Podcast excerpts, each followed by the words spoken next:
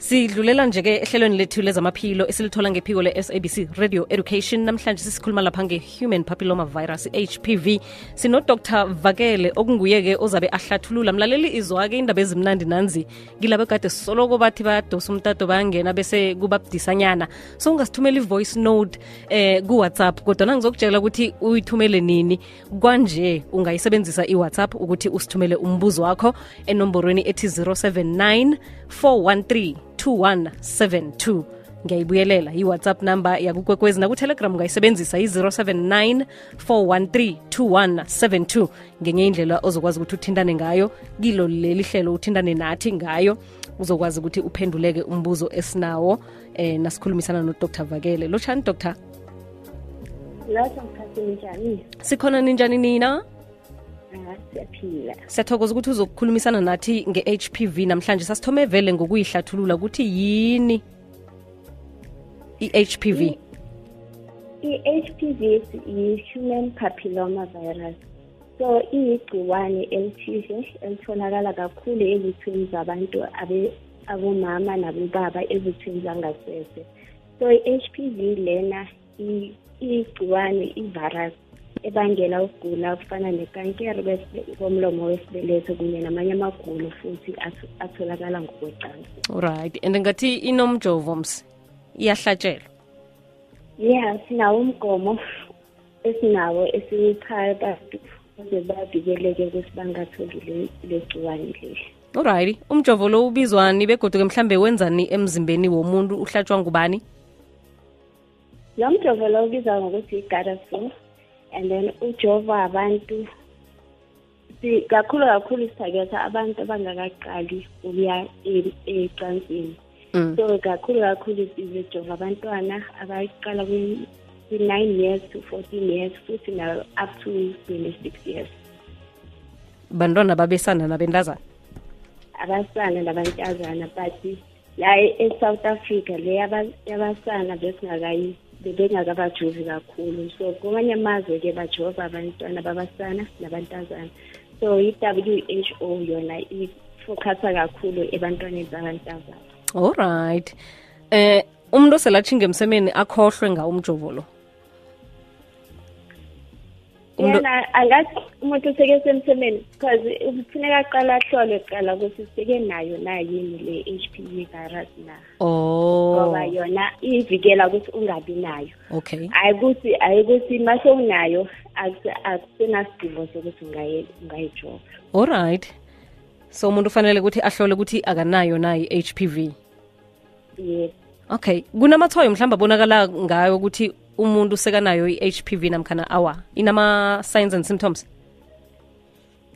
Inawo ama-signs and symptoms. Kakhulu ama-signs and symptoms kuba umthelelo wakhona ukuthi seyiba- seyihambe kangakanani nge- in terms of i-cancer okanye ukugula ko- mhlambe kwe- kwama-s t ds ukugula kwecansi so kaningi yona ibangela nje i- i- um- ikhe- ikankere yomlomo wesibeletho so ama-symptoms wakhona kuba ukuthi mhlawumbe umama sekile sekephelile kuye esikhathini like i-postmenopause seke ngasayo esikhathini ablide futhi mhlambe kule age ephasinyana mhlambe umuntu ma abe namapeni kube ney'mpilo eziphumayo ezinukayo ngaphasi futhi noma mhlambe makaqeda ucansi ava amaphini. So yiwo lawo ama-symptoms we-h p v virus avela kuma kuphela ubaba yena kanathwayo elithi uphethe i-hpv ubaba yena nawo unayo kodwa kona akukavami kakhulu ngoba yena ubaba vele itholakala seyihambe kakhulu mhlawumbe seyimbangele ukuthi abe nekankere yesifo sangaphambili.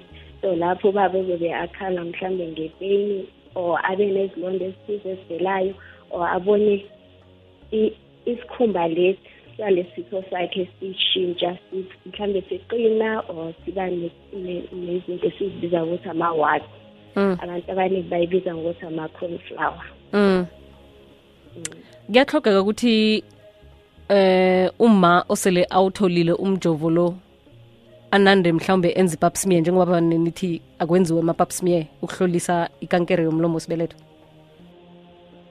ya kubaluleke kakhulu ukuthi abomama especially abomama sebeqalile ukuya ecansini ukuthi bayenze i-vaccine noba sebejovile ngoba imijovo lo kuba khona ezinye izinto esizibiza ukuthi ama-strains. So ama-strains ahlukile-ke we-h p we-h p v. So kuyenzeka ukuthi mhlawumbe umama unawo lawo ma-strains lawo noma sekejovile so kuyabalulekile ukuthi avele ahlole. Okay. Mlaleli siku-089 1207667 mtato ojayelekile komhatsho ikwekwezi FM na ukwazi ukuthi usebenzise i-whatsapp khona uthi ngiyibiza msinyazana i-079 413 2172 ngiyababona abanye sebathi kukhanya bhasi yathokoza lapho. Hi hi. 079 413 2172 sikhona-ke ku-email njengemalangeni ngimi nawe at ikwekwezi fm co za. Sikhona ku-twitter nalapha-ke ku-instagram. Nange unombuzo otshinga kudr. Vakele sikhuluma lapha nge-hpv okuyi-virus namkhana-ke ingogwana ebanga eh, ikankere ngokuhamba kwesikhathi yomlomo wesibeletho. Kanti-ke silinde umbuzo wakho nakiyo le imibuzo esikhamba sizanande simbuza yona. Yini-ke umuntu mhlambe angayenza ukuzivikela ebulwelweni bekankere nangabe mhlawumbe akasisemnyakeni yabantu ekufanele bathole umjovo lo eh doctor? Anga umuntu angakhona ukuthi azame ukuthi abe ne-partner a1 angabe angabi nama-partner amaningi futhi umuntu aphinde futhi asebenzise ikhondom ngaso sonke isikhathi. Iplastiki futhi umuntu azame ukuthi angabhemi ngoba ukubhema nako kumenza ukuthi abe nayo i-cancer ikankere leyo yomlomo wesibeletho mm. ngaphandle bese abobabe bona bazame ukuthi ubaba nobaba ayenze into esiyibiza ukuthi i-circumcision leyo yokujuba isikhumba phambili eh kuboma sayibona ukuthi iyingozi ngokuthi yenze um, ikankere le. Kubaba igcina imenzele ini? Oh uthwile ukuthi naye angaba nekankere yesitho. Alright kuyatsho-ke ukuthi iyingozi mlaleli indaba nasi ye-hpv siku-089 1207667 sikhamba nodr vakele. Lihlelo lezamaphilo elivezwa ngiphindile mahlango emoyeni ukuhamba nobusayi. Usemoyeni lotsha? siku-089 1207667 eh uyabuza umlaleli. Alungoba igama lakho angingazokubona ubhale phela nokuthi ungibani lapho. Uthi ngithanda ukubuza ukuthi iyabulala na? Yona i-HPV virus ngobuyona ayibulali ngoba kukhona ama-strains amanye nje avele azipholele mara kukhona amanye ayenza i-cancer into ebulalayo ibulala ibulalwa umthelelo wayo. So ubulalwa yi-cancer ngoba i-cancer igcine seyihambile igcine seyenze umonakalo emzimbeni womuntu. Uyogcina ubulewe yi-cancer ingasi ukuthi ngilo igciwana leli? Thanda ukubuza umlaleli ukuthi kusuke kwenzakalani lokha atshinga noma emsemeni bese uma uzwa ubuhlungu? And kungalaphe kanjani lokho ziningi izinto ezingayenza lokho. So kuyafuneka ukuthi umama yokudlulisa yenze into esibiza ngokuthi ipapne abuye ukuthi akanawo amagulo bocansi or akanawo ukuthi ikankere leyo umlomo wesibeleko usemoyeni kokwezilotshani? Okungabanga lokho. Okay ninjani mama njani na sikhona. Sesothangisile ihlobo senu ngizawungaziphi igama? Wamukelekile mama um ngicela ukubuza le kudoktor lapho ukuthi esithen sami sangasheshe sesesize and then vane kuthutshane iy'londanyana nje. Yazi uma ngithi ngiyahlamba so zibabele zibabele and then siqeda iveki sivele ngesadelinye siphole masipholako mhlala iveke sithome futhi gode ngesathi sangahlanye futhi. Angazi sibangelwa yini ngakho ngabe ngiyo na ikankelo or ngiyo le udoctor ishot ngizokulalela emhatshweni okay mama. Dr umzwile angimzanga ukhulumela phansi alrighty ukhuluma ngesilonjana eh, esinokuvela esithweni sakhe. Uthi sivele ngapha eh, sibhlungu siyambabela nakahlambako kodwa siphele mhlambe ngemva kweveke. Eh, sibuye godi ngakelinye iside. Uthi ngenzeka mathwayo we-hpv leyo namkhana sekuyikankere uthukiwe ufuna ukwazi? Isilonda esinjalo especially isilonda esibabayo kungenzeka ukuthi into esiyibiza ukuthi i-herpes so kufuneka ahamba ye kudokotela wakhe ahamba yohlola ngoba kungenzeka ukuthi akusiyo-h p v virus kungenzeka ngendlela ichaza ngayo ngaba i-herpes into esiyibiza ukuthi i-herpes okay ma. Uh uba kubuza umlaleli ukuthi kiboma abasidisi iyakwazi ukuthi itholakale na i-HPV le uma ozithweleko kakhulu ngoba uma uzithweleyo kuyachaza ukuthi uyile emacansini. So mm. i-HPV virus ayikhathaleli ukuthi uma uzikhulele or akazikhulelanga kodwa yona yinto etholakala ngokwecansi. So umuntu nasele asidisi mhlambe iyahlolelwa hlangana namanye amagula athathelana ngokomseme ngoba siyazi ukuthi vane umuntu kwenziwa ama-test ukuthi unawo ama-STIs kufuneka ahlole ma for i-h p v virus noma akhulele akunankinga uyahlolwa. Bese uzokhona kunje yalapheka um dr vakele? Yona ayilapheki kodwa kulapheka izinto ezibangelayo. Fana noma mhlambe ukuthi umuntu i-HPV virus funeke ayi-check-e kwenza ukuthi azolapheka msinya ingakayenzi umonakalo oh kula kulapheke amalwelwe la abangangiyo i-h p v yes kulapheka wona amalwelwe lawo okay. Usemoyeni kokwezi lotshani? Sithathe omunye umlaleli usemoyeni akwande. Hello? Hallo busayi kunjani? Kukhanya ba kunjani kuwe ngibawubuza kudokotela ukuthi iyona i-h p v le iyayikhosa like i-severe back pain la around edinini then nenyaweni awuze ngathi magodisina ngathi ufuna unwaya and mhlawumbe thokuthi ngathi nangibuza ekliniki ukuthi ukuthi uyahlaba nondi emadeyithini bathi sporting. So i-sporting lesi ololo imcundile. Mhlawumbe nongakhona ukuthi iwhatsapp eh umbuzo wakho loyo sikhona ukuwubona. Uthi iyawabangela ama-pain ku-pelvic na? Bese uzwe nenyaweni kuba ne-sensation ngathi ungayinwaya ya lokho kufuneka umuntu lo ayohlola ikankere eyesibeletho ngoba nayo iyabangela amapeni kakhulu. Eqolo futhi nala ngaphansi bese ibambe nemilenze le. So umuntu loyo kufuneka ayohlola ayohlola ukuthi ayenze into ekuthiwa yi-pap smear ayohlola nje amagulo wesibeletho siyathokoza. Uh kunomlalelo obuza ukuthi uma umuntu okay uma umuntu wesimame ozithwele yena angayithola eh kungaba khona into engagcine ilimaze umntwana na? Eh kona kuyadiphenda ukuthi uyithola nini ngoba i-HPV virus ungayithola emzimbeni ingahlala iminyaka ingabi namthelela othize. And okuningi ukuthi i-HPV virus inama-strains ayi-two hundred emzimbeni. And kulama-strains ayi-two hundred kusho kona ukuthi it's only eighteen ebanga i-cancer. So hayi yonke ama-strains we-HPV virus ayenza i-cancer. So i-cancer iyenzeka emva kweminyaka. Makuthi futhi umuntu akanabo i-HIV akanayo into eziningi angayithola namhlanje ize ivele mhlawumbe after 16 years to 17 years. Yo okay.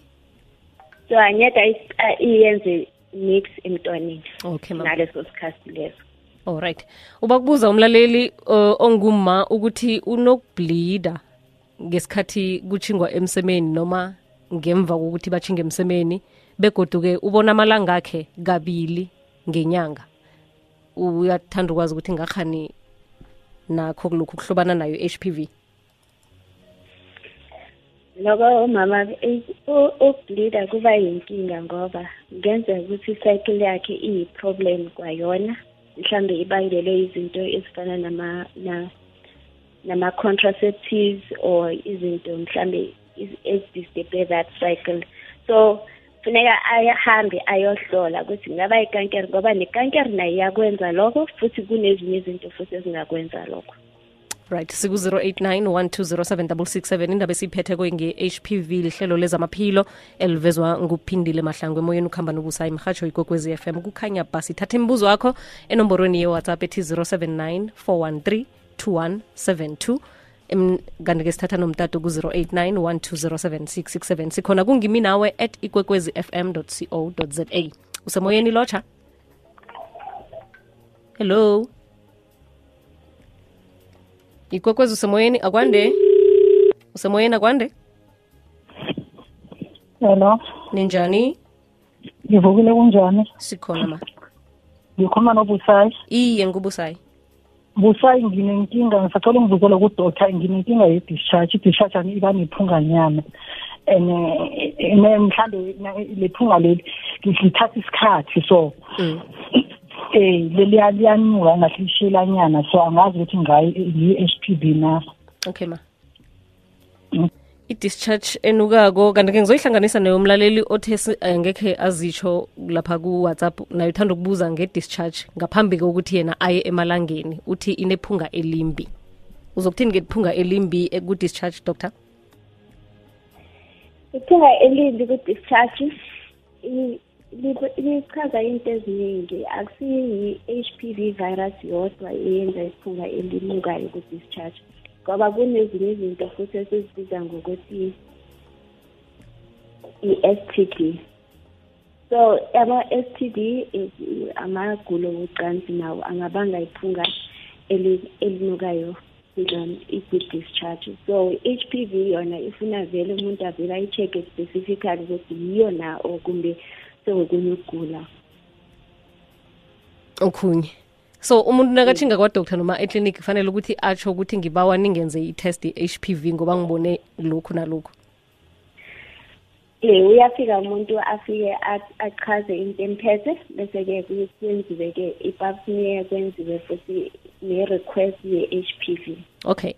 Njengoba utshile nje ukuthi i- iyahlatshelwa bantwana babentazana eh, la e-south africa eh umuntu omkhulu yena nakafuna ukuye ukuyenza kufanele ukuthi ahlole ntangi. Kwenziwa simahla lokho emakliniki kwenziwa simahla ngoba nasezikoleni Mm. ah, kuba ne-campaign ehamba yiyo ezikoleni yohlaba abantwana.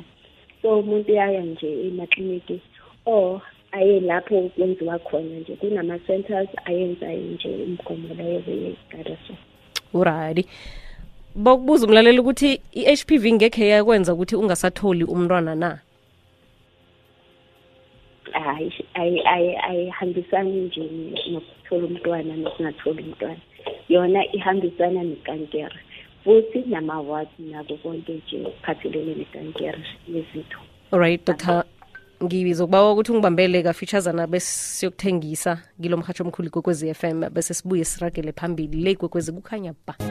Lithoba kuphela imzuzu ngaphambi kwesimbi yesumi nanye le ikwekwezi FM kukhanya ba. Sisehlelweni lezamaphilo cobe ngomvulo ngo-half past 10 ngemva kokuthi sizwe indaba inhloko zendaba. Sikhambisana nebezamaphilo abasiphendulela imibuzo esinayo ngenhloko esinazo. Hlangana nokhunye-ke namhlanje sike sikhuluma lapha nge-hpv okuligcikwane elithi ngokuhamba kwesikhathi libange ikankere hlangana nokhunye. Basho maningi khulu amagulo namkhana intrim zayo kodwana-ke hlangana nokhunye ikankere yomlomo wesibeletho ongagcina unayo nangabe awuzitsheji ungumma khulukhulu-ke. Nobaba ngoba naye uyakwazi ukuthi ayibambe. Sikhamba nodr vakele. Dr vakele usemsemane uthi iyathathelana ngokomseme? Kakhulukhulu ithathelana ngokomseme ngoba yona siyibiza ngokuthi i-direct skin contact so umuntu makahlangene ngokomseme angasebenzisanga iplastiki ingathathelana. Okay nangu-mrs x uthi ngiyazi ukuthi akamele isidushe kodwana-ke ngiye- ngiyenza ngakanye. So nangifaka umuno lo kuzwakala-ke isilonjana ngaphakathanapha asisibuhlungu and sekumnyaka sikhona. And ipap smear ngiyenzile bathi ngi-right. Uzokuthini ku-mrs x?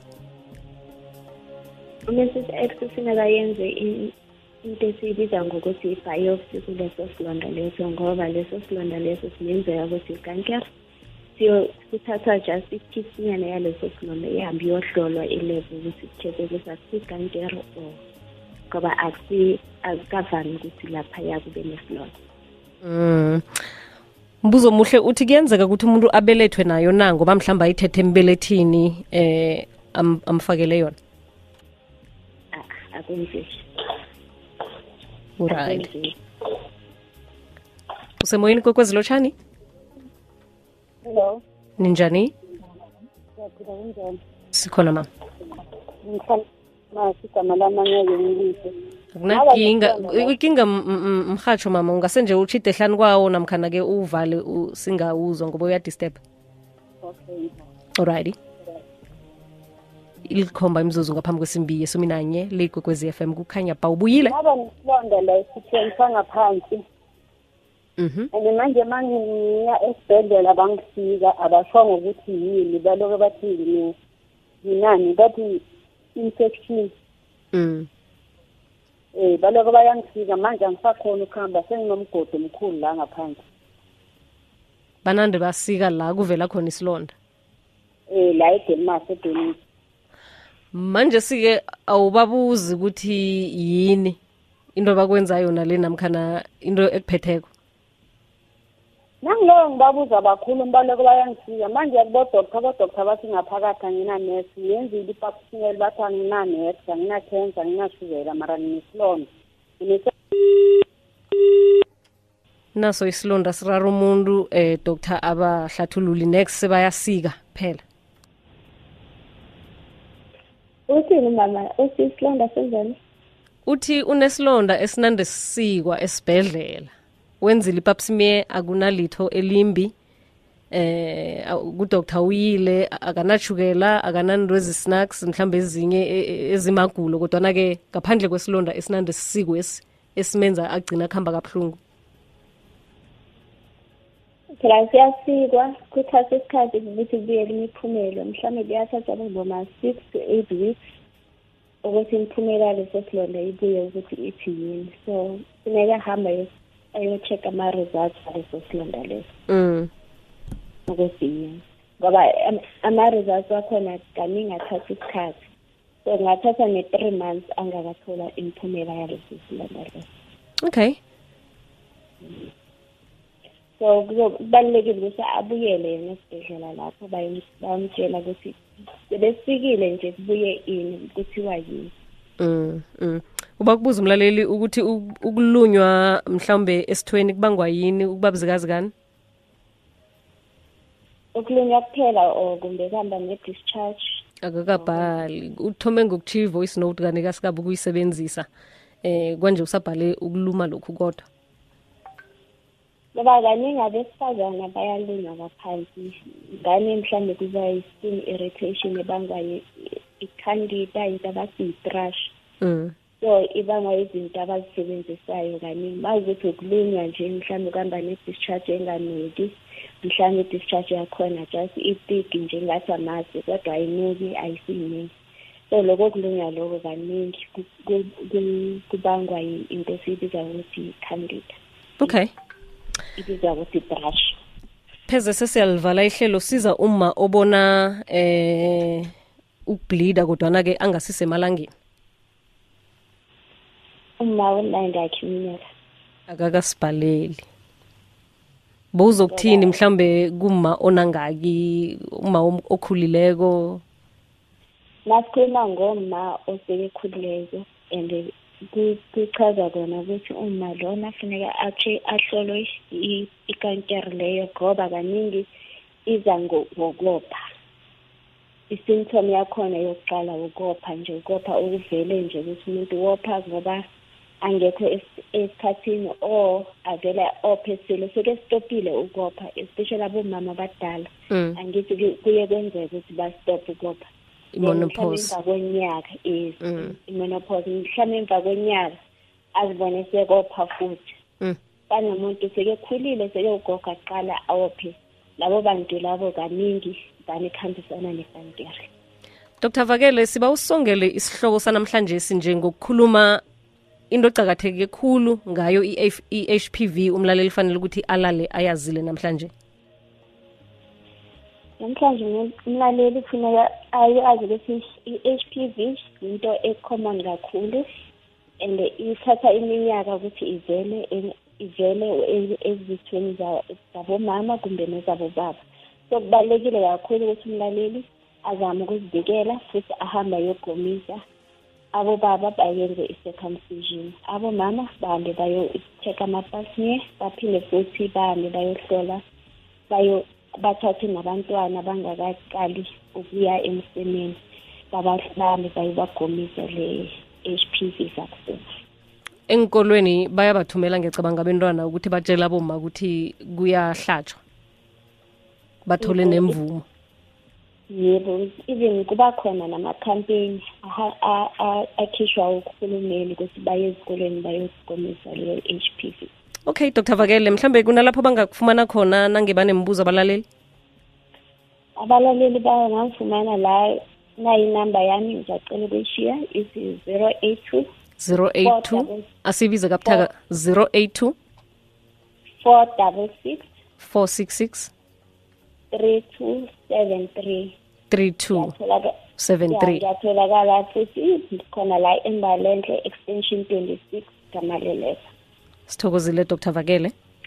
Um nangambala lapha endabeni zephasi ngezesimbi yesumi nanye sithokozile mlaleli. Ngiyakubona lapho kuwhatsapp ukuthi hayi ku-active. Kuzoba bulula-ke ukuthi sihlangane nawe ngendlela eziningi na ungana-email ne-whatsapp na ungana-whatsapp yakhona ukusidosela na ungakhona ukudosa sikutwitter kutelegram njalo njalo umhatsho ikukwezi FM kukhanya bhasi libeka la ihlelo lethu lezamaphilo ebesilivezelwa nguphindile mahlangu. Ngale kwesimbi yesumi nanye akhe sicale umsebenzi wakho owuthomileko wena eh utlamile kube yi-idea lapho khunye-ke mhlawumbe uyitshela abantu bakwebele izinto ezifana nalezo ukuthi usize bunjani sizobe sikhamba lapha eh no negqwetha ngubrian wakwadube njenganje sijhinge endabeni zephasi ngosesithembi